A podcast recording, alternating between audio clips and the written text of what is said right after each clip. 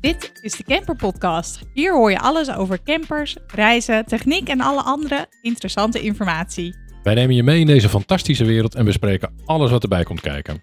Hey, wat leuk dat je luistert. Mijn naam is Marlies Pippel en ik hou van ontwerpen, creëren en bouwen van campers. En ik ben Peter, vooral geïnteresseerd in techniek en achterliggende informatie. Samen hebben we flink wat ervaring op het gebied van campers en reizen en nemen je daarom mee in deze aflevering. Nou, daar zijn we weer. Jongens, wat een podcast weer. We hebben vandaag een hele bijzondere gast. Eh, of gasten, moet ik eigenlijk zeggen. We hebben de, de mensen van de Belastingdienst hebben over. Ehm, dus ik zou zeggen, eh, stel jullie even voor.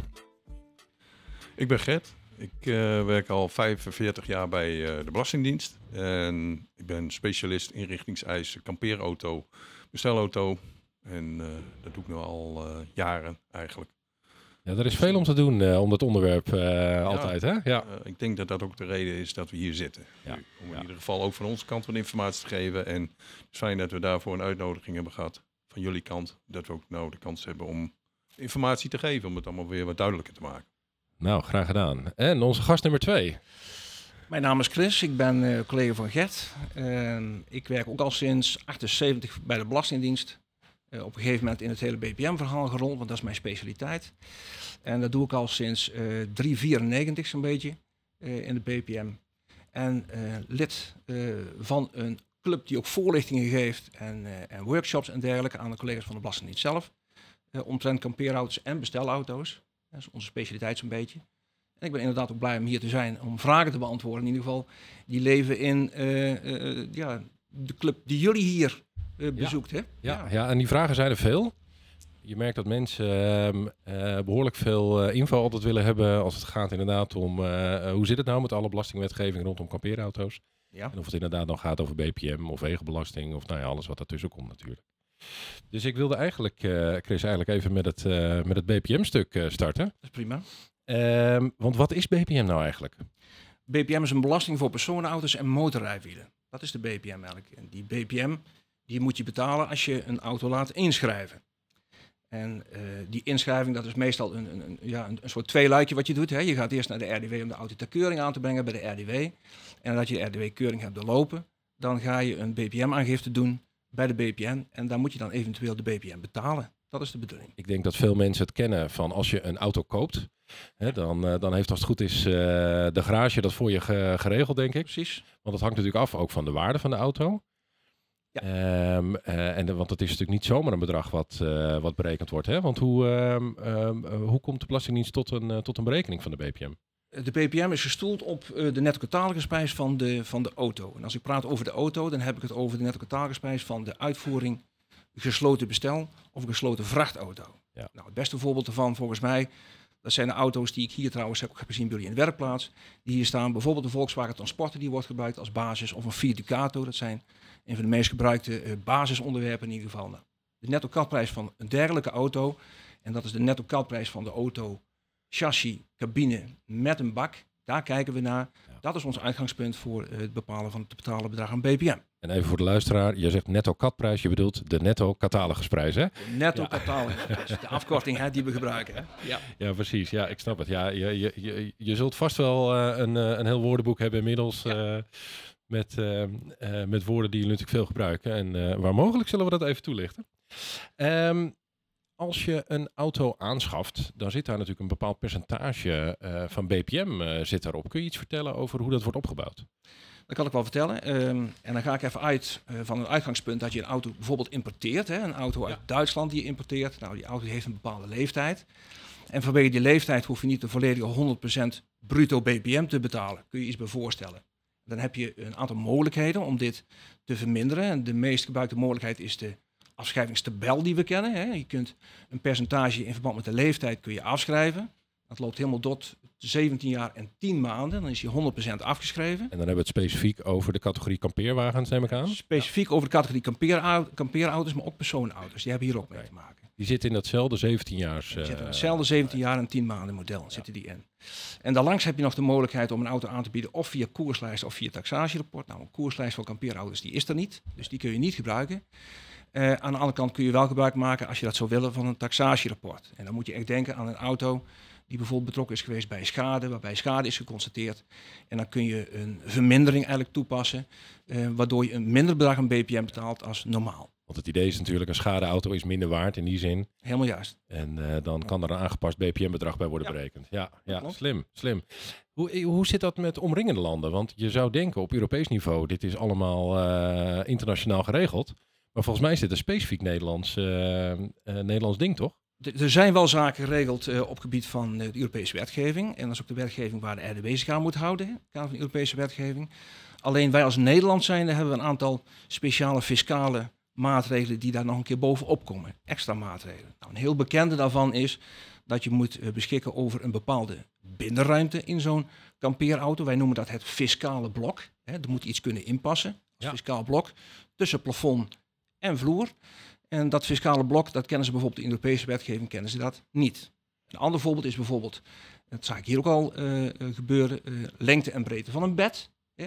Wat als, eh, voor ons als extra eis nog een keer gesteld wordt. In de Europese wetgeving kennen ze dat niet. En zijn dat de eisen die overeenkomen met de eisen die de, R- die, de, die de RDW bijvoorbeeld ook stelt op het moment dat zij een eh, kampeerwagen komen keuren? Nee, als de RDW eh, een kampeerauto komt keuren, die controleert alleen op de Europese wetgeving.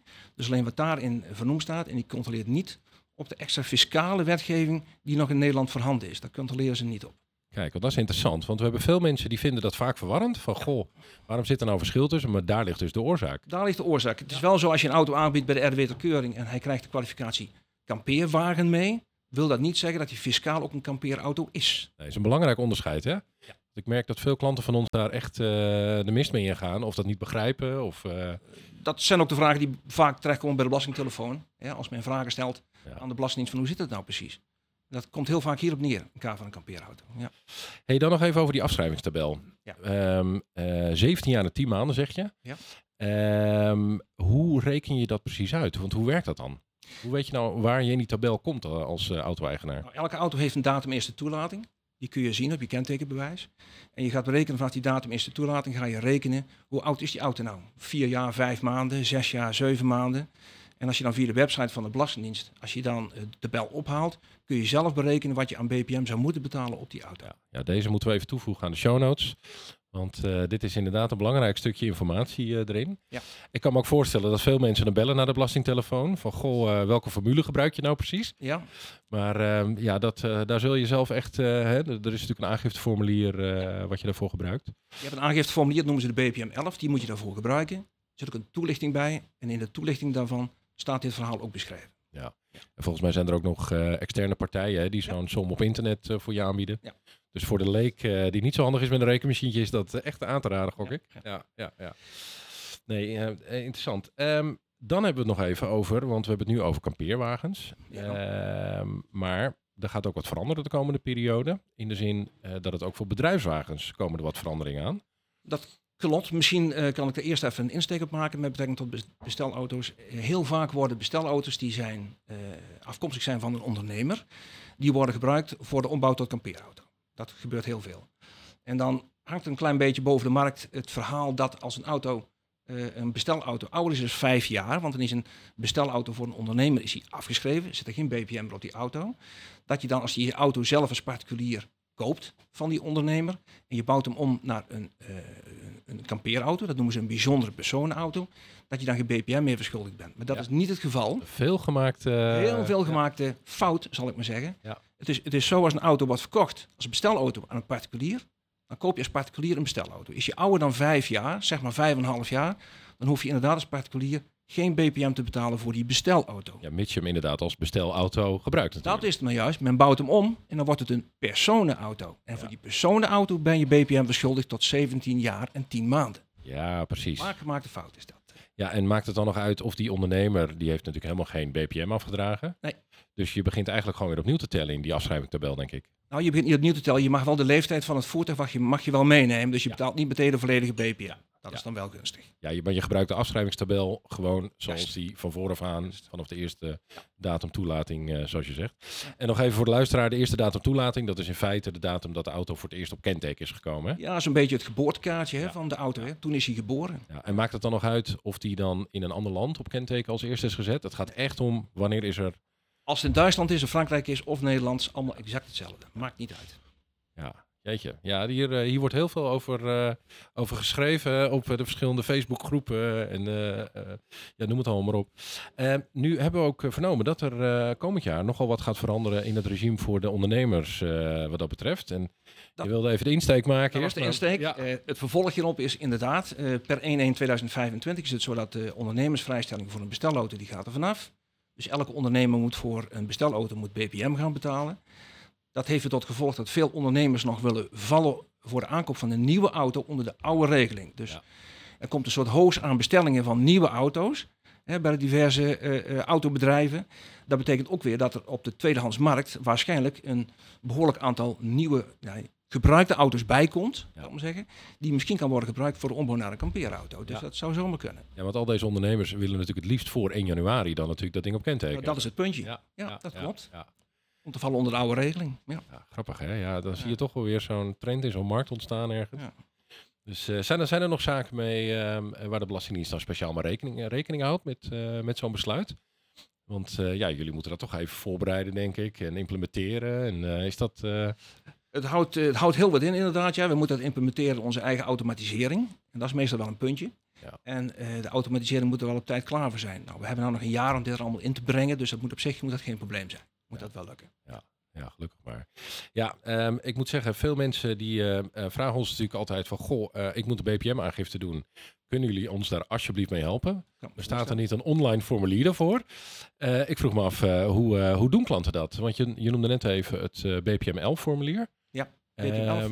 kun je iets vertellen over hoe een, hoe een particulier dat zou, zou moeten aanvliegen? Nou ja, ze moeten naar de website, ze moeten, ze kunnen naar de website gaan van de Belastingdienst. Daar kun je dat formulier downloaden. Dat kun je zelf op de website zelf kun je dat helemaal invullen. Ehm, ook berekenen. En als je dat hebt gedownload, dat is al een dingetje, dan moet je dat uitprinten, Ja. in een envelop doen en sturen naar Heerlen. En dan zou je zeggen, hey, we zitten toch en we leven toch in een digitale wereld, zou je dat niet digitaal kunnen doen? Helaas op dit moment voor een kampeerauto is dat nog niet mogelijk. Het zit wel in, zal ik maar zeggen, in de pijplijn. Ja. Komt er wel aan, maar op dit moment is het nog niet mogelijk. Dus het is allemaal nog steeds op papier. Ik kan me ook voorstellen dat er niet enorm veel aanvragen per jaar binnenkomen. Dus deze zal niet heel hoog op de lijst staan. Met nee, eh, maar het ideeën, digitale eh, verhaal in ieder geval wel. Maar Ja. ja, dat is wel een dingetje bij de Belastingdienst. Ja. ja, ja, want hoeveel aanvragen eh, verwerken jullie gemiddeld eh, op dit, eh, dit vlak? eh? Nou, als je kijkt naar het aantal aanvragen wat er verwerkt wordt op jaarbasis, dan praat ik over gewone personenauto's, bestelauto's en kampeerauto's. Dan zitten we ongeveer op 325.000 oh jeetje, op jaarbasis. Ja. Dat is niet mals. En al die aanvragen moeten worden beoordeeld. Er moet een aangifte eh, worden gedaan. Er Ja. komt natuurlijk een besluit op. En Precies. uiteindelijk moet er natuurlijk eh, wat eh, afgerekend worden. Dat is wel de bedoeling, Ja. ja, natuurlijk. Ja, ja. Ja. Interessant hè? Jeetje. Ja. Ondertussen gaan we even door naar de wegenbelasting deel, denk ik. Ja. Eh, Gert, wat, jij vertelde al even, dat is jouw expertise al geruime tijd. Ehm, wij noemen dat hier intern altijd de MRB. Ehm, maar in de volksmond heet het natuurlijk gewoon de wegenbelasting. En nou is daar natuurlijk een hoop over te doen ehm, eh, deze tijd in de actualiteit. Eh, daar komen we zo meteen nog wel even op terug. Maar leg eens even uit, hoe is de wegenbelasting? Wat is het eigenlijk? Nou ja, een wegenbelasting eh, is een belasting op auto's. Eh, en de opbrengst daarvan wordt ook weer eh, gebruikt voor de algemene middelen. En in, in het verleden ook voor eh Wegenverkeersfonds. Dus weer teruggestopt in ontwikkeling van wegen. Ja, motorrijtuigenbelasting is, je zegt al, wegenbelasting. Hè? Dus de wet heet Wet op de motorrijtuigenbelasting. En eh, ja, je betaalt eh, per drie maanden, het is een aangiftebelasting, per drie maanden betaal je een tarief. En eh, het tarief is gebaseerd op het soort motorrijtuig. En dan praten we in het geval van een kampeerauto altijd over een personenauto. Als we het hebben over motorrijtuigenbelasting. Daarnaast het gewicht. En de gewichtsklassen die lopen van, zeg maar, als voorbeeld 1051 tot en met 1150. Dat is dan één gewichtsklasse, dat is dan de P10. En daarnaast eh, is de brandstof nog een onderdeel van het tarief. Benzine is, eh, heeft geen brandstoftoeslag, maar wel voor diesel en LPG. Ja, en als ik me niet vergis, ook de provincie waar je woont, hè? En de provincie waar je Ja. woont, dat is inderdaad eh, het laatste onderdeel van het tarief. Ja. En, eh, dus op basis van de provinciewet worden provinciale opcenten gegeven. En die zijn door het hele land heen verschillend. En heeft dat dan te maken met de spreiding van de infrastructuur? Dat de- het ene we- wegennetwerk in, eh, zeggen ze wat, Flevoland een andere financieringsbehoefte heeft dan bijvoorbeeld in eh, Noord-Holland? Dat zou ik niet weten, want de provincies die bepalen eh, elke keer het tarief Oh ja. eigenlijk. Zijn daarbij wel gebonden aan bepaalde regels. Hè. Die kunnen daar niet helemaal in losgaan, zeg maar. Maar waar, waar ze precies op baseren, dat is mij eh, onbekend. Nee, nou ja, dat, dat, dat vergeven we je dan. Ja. Ja, ja, ja heel goed. Ehm, waarom zit er eigenlijk een verschil tussen de verschillende brandstofsoorten in die wegenbelasting? Ja, dat is eh, destijds een keus geweest van, eh, van de wetgever om eh, auto's op diesel extra te belasten. En een onderdeel van het tarief. Dus ja, de- eigenlijk is het een, een diesel ook een wat meer vervuilende brandstof. Ja. En ja, LPG hebben ze destijds ook een toeslag voor gemaakt. Dus, Ja, en dat verklaart waarschijnlijk ook wel het verschil in de brandstofkosten zelf. Want dat, dat werkt natuurlijk in samenhang met elkaar, neem ik aan. Ja, ja, Ja. ja. ja, Ehm, wat, voor, eh, ehm, wat voor veranderingen zie je in de toekomst die eh, eraan komen voor, eh, voor kampeerwagens? Nou, er is in ieder geval zijn plannen om het kwarttarief, zoals het nu heet, omdat het een kwart bedraagt van het tarief voor een personenauto, te verhogen naar half tarief. Waarom heeft een camper eigenlijk, hè, tot op heden in ieder geval, een kwart tarief? Zit er een, een redenatie achter eh, wat dat betreft? Zeker. En dat is eigenlijk als je dat. eh, ik, ik kan het zo uitleggen. Eh, in het verleden hadden we als belastbaar feit voor de motortuigenbelasting het weggebruik. En een camper was een, een voertuig eigenlijk, een motorrijtuig, dat niet het hele jaar door gebruikt werd. Dus had in het verleden, toen het weggebruik bela- het belastbare feit was, had je een 60 dagen kaart die je kon kopen voor een camper. Dan betaalde je een kwart van de jaarbelasting. En dan kreeg je een kaart en daar vulde je dan eh, de dagen in dat je gebruik maakte van de weg, het belastbare feit. Aan het eind van het jaar stuurde je de kaart op. En eh, dan gingen wij kijken in eh, zeg maar de films die wij binnen hadden van onze posten motortuigenbelasting, die langs de weg de foto's maakten. En dan gingen we kijken van, hé, hey, op 5 april heeft deze wagen, hebben we een foto van die wagen. Even kijken op de kaart. Nou, dat was het weggebruik belast. Dus op basis daarvan... Over, over welk jaar hebben we het dan? Eh, het is even geleden, voor- denk ik. Voor 94. Maar dan moet je dus echt bijhouden welke dagen je gereden hebt. Ja, dat was destijds. Ja. Ja. maar dat is de basis eigenlijk geweest van het kwartarief. Dat je met een camper gewoon een normaliter minder gebruik maakt van de weg. Nou, in 94 is de motortuigenbelasting eh, veranderd. De nieuwe wet gekomen, is het houderschap belast. Dus de inschrijving in het kentekenregister van de RDW. Tegenwoordig de basisregistratie voertuigen. Ehm, en daarvoor is een eh kwartarief eh, vastgesteld. Eigenlijk met in het achterhoofd ook dat er minder gebruik Ja. gemaakt wordt van een eh, camper. Een zelfstandig tarief, dat is het wel. Hè? Dus je kan gewoon betalen, schorsen en dan krijg je een deel weer terug. Als je hem dan weer ontschorst, dan ga je weer opnieuw betalen. Maar het is nog steeds de hoogte van een kwart van Ja. de belasting. Nu, nu weten wij natuurlijk dat mensen er stiekem wel vaker mee rijden. Ehm, wat vinden jullie daarvan? Nou ja, dat is eigenlijk niet stiekem, want het is ons natuurlijk ook opgevallen. Ja. En het is aan de wetgever om dan te kijken, om te schuiven aan eh, de knoppen van het tarief. Om, want het gaat uiteindelijk toch ook om opbrengst. Ja. Eh, en ja, hoe verhoudt zich dat? Dus het is niet zo dat de camera's eh, na dag eh, eh, nu- nummer 90 in één keer een extra tarief beginnen te hanteren als je er langs rijdt. Nee, we, we hebben eigenlijk wat dat betreft helemaal niets meer aan de camera's als het gaat om kampeerauto's. Het is gewoon het feit dat je een kampeerauto kentekenopname hebt en daar betaal je voor. Ja, Ja, ja, ja. ja, het is echt wat je zegt, een houderschapsbelasting. dat is dan ook weer de volksmond. Ja, ja, ja. Het is gebaseerd op het houderschap, maar het blijft gewoon motortuigenbelasting. Ja, ja, ja, grappig hè. Ehm, stel nou voor, ik ga mijn camper verhuren. Volgens mij verandert er dan wat als het gaat om wegenbelasting of om ehm, BPM wellicht. Ehm, zijn dat zaken eh, waar jullie naar kijken? Er is in de wet een artikel opgenomen dat je mm, kampeerauto's die bedrijfsmatig worden verhuurd, daar geldt nu het halftarief voor. Kijk. Dus die hebben een twee keer zo hoog eh, tarief, zeg maar. En, en wanneer, wanneer is er sprake van bedrijfsmatig verhuur, verhuren?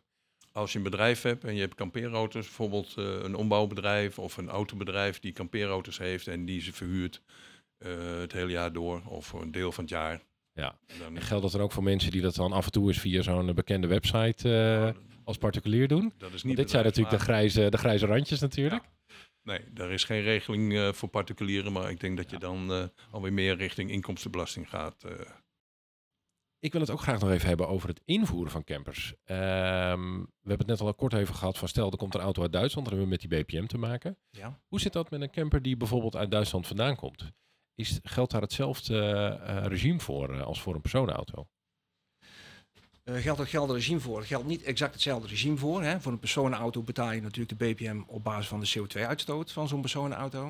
En in het kader van een kampeerauto, als je erover praat, dan hebben we het over een stukje van de netto-catalogusprijs. Dat is 37,7 procent. Nog wat verminderd of vermeerderd in verband met de brandstof. En dat is dan je uitgangspunt voor je BPM. Ja. Daar betaal je dan over. Je gaat er even snel overheen. Je zegt eh, verminderd of vermeerd eh, op basis van de brandstof. Ja. Kun je daar iets over vertellen? Eh, met betrekking tot eh, de eh, 37,7 procent, eh, de uitkomst daarvan, hè, gerekend over de netto catalogusprijs, dan moet je volgens mij voor de, dan moet ik even niet liegen, iets van 1273 euro moet je betalen als vermeerdering voor de benzine.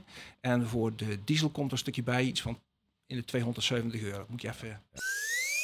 Wat Chris hier bedoelt is een vermindering van 1283 euro en een vermeerdering van 273 euro.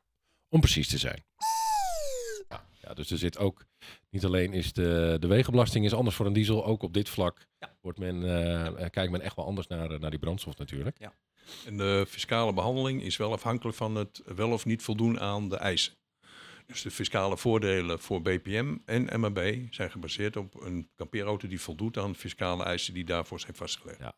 En dat wordt, neem ik aan, bij import moet dat natuurlijk gecontroleerd worden. Dus daar zal men bij de RDW langs moeten voor een, eh, voor een controle, neem ik aan.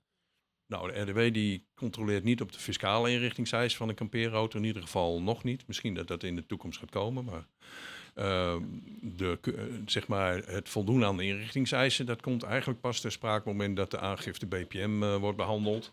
En een later moment kan eventueel nog bij de aanvraag van het kwartarief. Hè, want dat, is wel, eh, dat wordt op verzoek wordt dat verleend, het kwartarief motortuigbelasting. Dus dan, dan volgt er ook een, een controlemoment. Misschien goed om daar nog even bij stil te staan. Ehm, wij gebruiken daar een formulier voor. Eh, daar worden natuurlijk de gegevens van de kampeerauto natuurlijk op, eh, op ingevuld. Die komen bij jullie terecht, die aanvragen. Eh, waar kijkt de Belastingdienst naar op het moment dat je zo'n verzoek krijgt?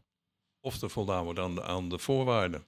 En in ieder geval, het tarief gaat ook pas in met ingang van het tijdvak waarin het verzoek wordt, wordt gedaan. Sommige mensen komen er helaas pas laat achter dat ze nog geen verzoek hebben gedaan. Bijvoorbeeld omdat ze ervan uitgaan, ik heb bij de RDW de inrichtingsomschrijving kampeerwagen gekregen op het kenteken.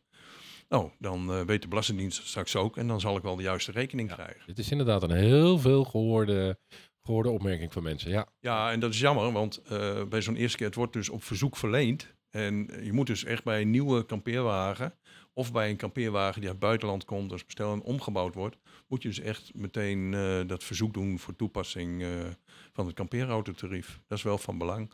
Heb je, eh, koop je een auto van iemand die het kampeerautotarief al betaalt voor motortuigbelasting, dan wordt het de naamstelling, zeg maar het feit dat je dus het kenteken op naam zet, wordt beschouwd als een verzoek om toepassing van het kwartarief. Ja, ja. Dan krijg je dat, wordt dat verleend. Dan heb je wel eh, de verplichting, of in ieder geval de verantwoordelijkheid om na te gaan of de kampeerauto voldoet. Ja. Eh, voldoet die niet, ja, dan verwachten we toch, is in ieder geval wettelijk zo vastgelegd, dat je dat kenbaar maakt aan, eh, aan de inspecteur. maar je mag er als particulier van uitgaan dat als iemand al het kwarttarief betaalt of het halftarief in de toekomst, dat dat, eh, dat het reeds gebeurd is. Ja, maar ik probeer het wel iets te nuanceren, want als Ja. mensen eh, iets veranderen aan, eh, aan de kampeerwagen en daardoor bijvoorbeeld wordt er niet meer voldaan aan de inrichtingseisen, juist wel ben je als houder ben je wel verplicht om dat eh, op te geven, zeg maar. Ben jij wel degene van wie verwacht wordt dat het, en dat noemen wij een aanvullende aangifte. Precies. Ehm, die zetten we ook even in de show notes, denk ik. Lijkt me een goeie. Ehm, op welke eh, punten, want je, je zegt even, we toetsen dat aan de inrichtingseisen. Eh, nu weet ik uit ervaring dat wij vaak alleen een formulier toesturen. Ehm, ho- hoe kun je dat nou controleren? Want je ziet de auto niet. Ehm, eh, ja, hoe, hoe, hoe kom je tot dat oordeel als, eh als? Misschien is het wel goed om te zeggen dat als je zo'n auto importeert uit het buitenland, of je bouwt een auto om, dan zijn er in feite drie instanties die naar die auto kijken. Dat is de RDW, dat is de BPM en de MRB. En allemaal kijken ze naar diezelfde auto. De RDW die stelt eh, wetstechnisch vast op Europese wetgeving of die auto als kampeerwagen eh, eh, kan worden gekwalificeerd, ja of nee. Dat is één. Dan komt hij bij de BPM. En de BPM die controleert op de voorwaarden. Kun je misschien daar nog wel even op ingaan wat die voorwaarden zijn. graag. En die voorwaarden voor de BPM en de MRB die zijn exact gelijk. Alleen als je de BPM-aangifteprocedure hebt doorlopen, dus je hebt je BPM voldaan, zal ik maar zeggen, dan nog inderdaad moet je nog je MEB-aspect moet je nog invullen. Moet je nog een formulier invullen voor uh, toepassing van het verlaagde tarief. Um, de voorwaarden waar je aan moet voldoen voor de BPM en MEB, er zijn een aantal voorwaarden die zijn gesteld aan de inrichting in de auto zelf. Dat is in de binnenruimte van de bestelauto die je hebt omgebouwd tot kampeerauto. Zoals bijvoorbeeld, er moet een keukeninrichting in zitten, er moet een slaapgelegenheid in zitten, er moet een stoel in zitten, er moet, uh, er moet een tafel in zitten. En wat heel belangrijk is hiervoor is dat alles vast gemonteerd is. Wij komen heel veel tegen uh, in de markt waarbij uh, zaken, laat ik maar noemen, niet vast te worden gemonteerd met een vrij goedkoop setje. Ja. worden aangeboden bij de RDW ter keuring. De RDW die, ja, die vindt het goed, gezien de Europese wetgeving die geldt voor zo'n auto. Dan komt hij bij de BPM terecht, wij kijken daarna en het is wel een zeer minimaal setje wat erin staat. En die moeten aan bepaalde eisen voldoen. Heel vaak horen wij uit de markt in ieder geval dat het zo is, en dat constateren wij zelf ook, dat het goedkope setje er weer uitgaat. En daarna wordt er een compleet nieuwe set ingebouwd met een meergewicht van 6 tot 800 kilo. En het voordeel daarvan natuurlijk voor de klant is, voor belanghebbenden is natuurlijk, het voordelige MBB-tarief op basis van dat ja. setje van 50 kilo. Ja. En dat zien we heel veel gebeuren. Men heeft het idee dat dat allemaal zo kan en zo mag. Maar dat is niet zo. Je moet namelijk bij een ombouw naar een auto met een zwaarder gewicht, moet je die auto bij de RDW opnieuw de keuring aanbieden. En de RDW zelf die houdt daar een grens aan van 20%. Als je 20%, uh, laten we zeggen, de, de totale waarde, de totale gewicht van de bestelauto overschrijdt, moet je je gang maken naar de RDW. Ja. Ik denk niet dat dat heel veel gebeurt, maar dat zou wel moeten. Ja, die setjes die zijn wel berucht, volgens mij. En, en uh, nu gaan we een beetje uh, off-topic, volgens mij. Maar ik weet dat er op Marktplaats dit soort setjes worden aangeboden, speciaal voor uh, keuringen. Ja, weet ik um, En dit zagen we de afgelopen jaren meer. Tegenwoordig wordt daar ook door de RDW wel met een scherp oog naar gekeken. Dus dat is zo goed iets dat dat niet zomaar zomaar gebeurt. Um, maar inderdaad, ja, dit soort zaken zul je tegenkomen. Maar ik kan me voorstellen dat als je dan zo'n aangifte krijgt, dat mensen daar dan wat foto's bij doen bijvoorbeeld.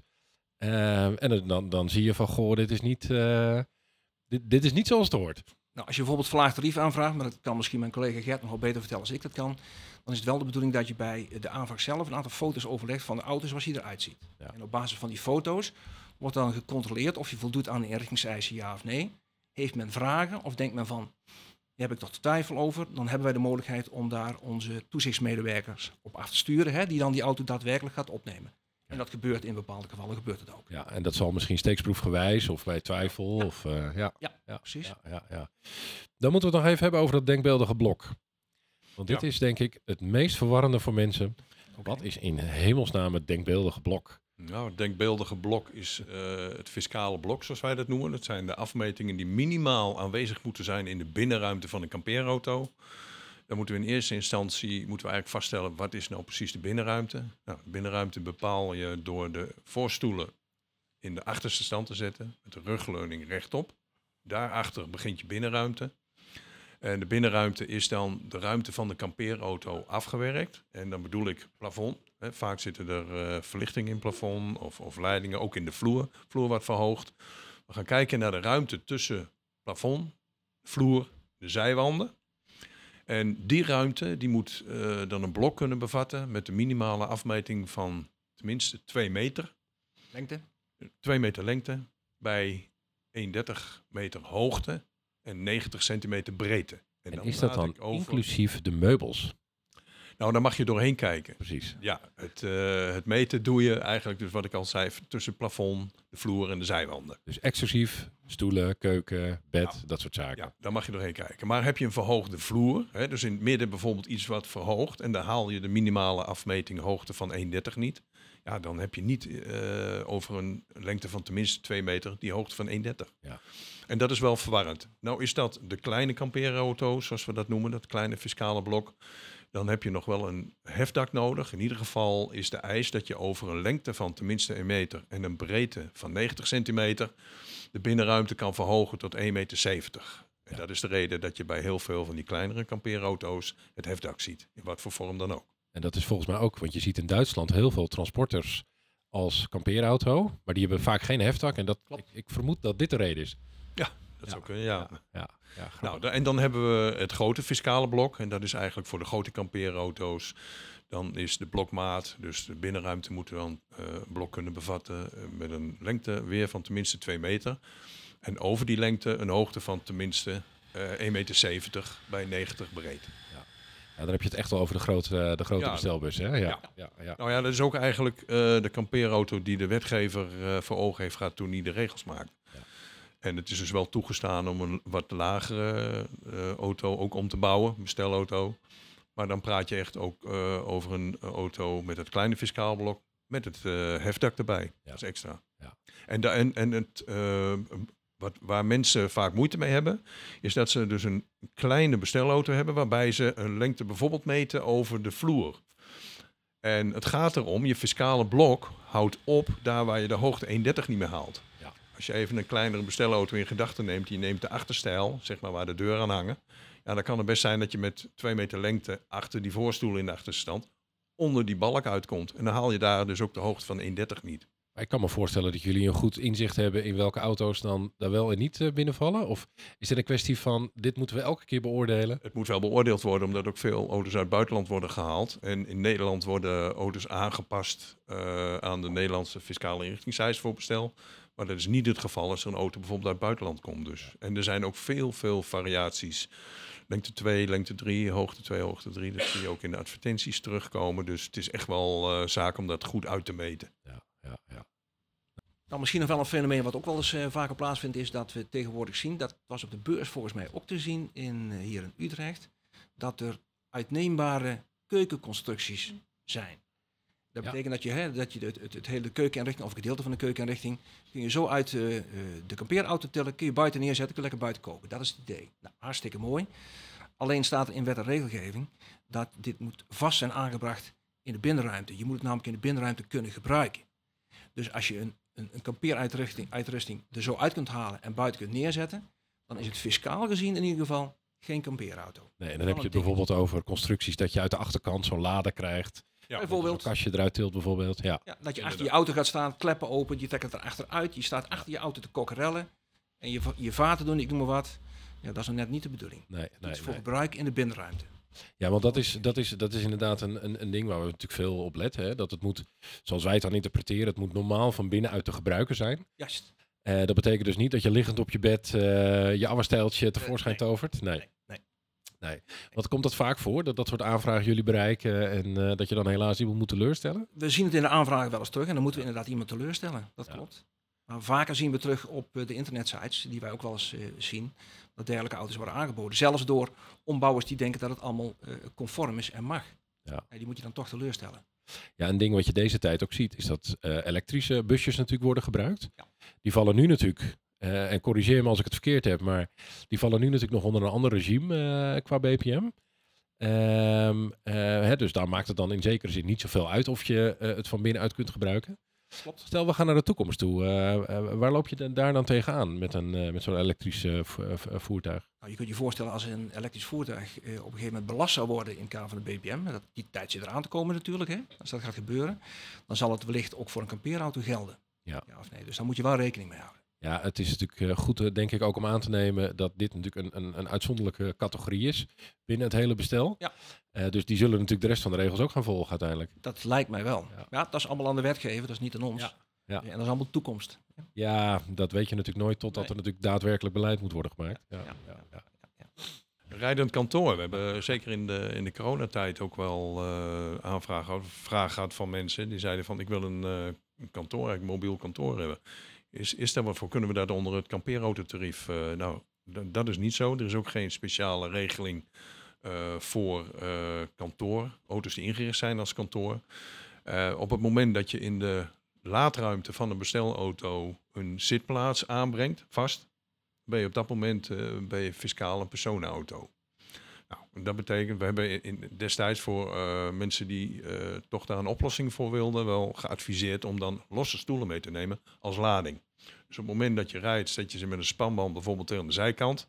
En op het Ja. moment dat je ergens op locatie bent, dat je toch even daar wil zitten, dan kun je die eh, stoelen losmaken, uitklappen, klaptafeltje erbij. Je kunt dan toch eh, iets doen. Dat is in ieder geval een mogelijkheid voor die eh, een als kantoor in. Maar dan blijft het dus wel een bestelauto. En dat blijft dus een zakelijk voertuig dan, neem ik aan. Nou, dan blijft het, ja, inderdaad, met klapstoeltjes blijft het een bestelauto. ja. En maar Ja. Dan gaat het wel om die vaste inrichting, inderdaad. Dan Dus heb je het dus niet over een camper. Nee. Nee. Nee. Ja, wat, je zou kan, eh, wat je dan wel kan doen is natuurlijk hem gewoon ombouwen dat hij voldoet aan de eis voor een camper. Maar ja, goed, dat is niet wat ze, wat ze vragen. Dat is wel Nee, echt een kantoor. nee. En dat hadden we dus ook in die coronatijd van eh, mensen die eh, een paar dagen ergens voor een klus gingen. En zeiden van nou, kan niet in een hotel of wat dan ook. En die dus ook een slaapgelegenheid wilden. Ook daar geldt hetzelfde verhaal voor. Stressbed bijvoorbeeld, tegen de wand vastmaken. En op het moment dat je op locatie bent, kun je het uitklappen. Dan slaap je gewoon in je bestelbus. Ja. Slaap je Ja. in je bestelbus. Ja. ja. ja, grappig hè? Ja, dus er is eigenlijk geen ontkomen aan. Je kunt niet zomaar een camper voor zakelijk gebruik inzetten. Nou ja, je- als je een camper hebt, dan betaal je het kwart en je voldoet aan de eis, betaal je het kwarttarief en die kun je inzetten zoals je wil eh, natuurlijk. Die kun je Ja. wel gewoon voor zakelijke doeleinden inzetten. Maar de ondernemer wil natuurlijk geen BPM betalen, gok ik. Ja, ja. En die BPM is me wel beschuldigd. ja, ja uiteraard. Ja, ja. ja, interessant hè. Laten we nog even voor de uitsmijter. Ehm, de inrichtingseisen. Kunnen we ze nog even één keer, eh, één keer opdreunen voor eh, de luisteraar? Inrichtingseisen in eerste instantie eh, het fiscale blok. Kunnen we dus het grote fiscale blok, dat is eh, lengte van 2 meter en over die lengte een hoogte van 1,70 en een breedte van 90. Dat moet passen in de binnenruimte, voorstoel in de achterste stand. En dan moet het blok er denkbeeldig in passen. Dan je, mag je door de kampeerattributen heen kijken, dus door je bed. kastje. En dan heb je verder, ehm, er moeten eh, twee vaste zitplaatsen zijn. Dat mogen ook de voorstoelen zijn eh, die draaibaar zijn. Dus de voorstoelen die draaien. Eh, een bed, als je een tweepersoonsbed hebt, eh, 1,10 breed minimaal, eh, over een lengte van 1,80. Heb je twee eenpersoonsbedden of meerdere eenpersoonsbedden, worden dan de eerste twee de eisen gesteld van tenminste 1 meter eh 10 bij 1,80 meter, beide bedden. Gert bedoelt hier dat de inrichtingseisen voor een eenpersoonsbed 1,80 meter lang bij 60 centimeter breed moeten zijn. Ehm, een keukenblok met een eh, hoogte van het werkblad van tenminste 60 centimeter. Eh, daar moet een, eh, een al dan niet uitneembare watervoorziening zijn. Een kraan, een vaste kookgelegenheid. Een tafel, die mag makkelijk uitneembaar zijn. Ehm, en dan moet je denken aan bijvoorbeeld de bevestiging van de tafel zit in de vloer vast of aan, aan een kastje of iets dergelijks. De tafel kun je op zich vrij makkelijk eh, eruit halen. En dat allemaal voor al, eh, gebruik in de binnenruimte. Je mag ook bij eh, zeg maar het bed maken, mag je ook gebruik maken van de zitplaatsen in de binnenruimte. Maar niet met eh, behulp van de voorste draaistoelen. Kijk, Dat weer niet. Ja. En dat zijn ze volgens mij eh, allemaal. Ja, je, misschien kun je nog wat vertellen over de kookinrichting die erin mag zitten. Dat mag ook anders zijn als het uh, normaliter op gas koken, zal ik maar zeggen. Je mag Ja. ook een... eh, Ja, magnetron magnetron. Dat. De, wordt ook als eh, vast kooktoestel eh, gezien. Dan is het wel eh, de eis dat ook eh, de stroomvoorziening in het voertuig aanwezig is. Waardoor je dus ook weer zelfstandig kan functioneren. Dus met een flanksnoer eh, zeg maar naar de camping eh, aansluiting, dat is niet de bedoeling. Ja, ja, ja. Nee, dat moet functioneren. zijn om eh, als zodanig te werken. Ja, Ja. ja. en er moeten volgens mij ook nog twee vaste opbergfaciliteiten Oh in de auto zitten. opbergfaciliteiten. Ja, de wetgever heeft eh, in, in het artikel heeft hij omschreven opbergfaciliteiten. Nou, we zijn de uitvoerende instantie. Op een gegeven moment kregen we de vraag hoeveel zijn er vereist. Nou, opbergfaciliteiten, dat is meervoud. Ja. Dan tenminste twee. En dan heb je het over een kastje, keukenkastje, Ja, dat soort zaken. Ja. Ja. Ja. Ja, ja. Dus dit zijn alle zaken waar je natuurlijk op let op het moment dat er eh, een aangifte wordt verzonden naar de Belastingdienst. Ja. Ehm, dan wordt dit natuurlijk getoetst. Dus ja, wat je zegt, eh, foto's meesturen is een goed idee. Ja, Eh, zeker. En bij de aanvraag van het eh tarief motortuinbelasting eh, worden ook om foto's verzocht. Dus dan kun, en dan kan het best zijn dat je nog even in een situatie komt dat, dat er iets niet aanwezig is of nog niet. En dat er aangepast wordt. Ja, Dus, ja. Ja, dat kan. Nou, helder. Volgens mij zijn we er doorheen. Laten we als laatste nog even, stel mensen willen alle informatie opzoeken. Ehm, volgens mij de website van de Belastingdienst staat ontzettend veel. Mochten mensen nog meer vragen hebben, hoe kunnen ze jullie dan het beste bereiken? Belastingtelefoon eh, is daarvoor. En dan eh, kunnen ze daar vragen stellen. En mocht het nodig zijn eh, dat er specialisten worden ingeschakeld, dan zitten daarachter nog weer eh, collega's die dan eh, die vragen gaan beantwoorden. Leuk dat je hebt geluisterd naar de Camper Podcast. In de show notes zie je de links naar alle besproken onderwerpen. De Camper Podcast wordt gemaakt door de lieve mensen van Camper. Check de website voor onze toffe ontwerpen of kom een keertje langs.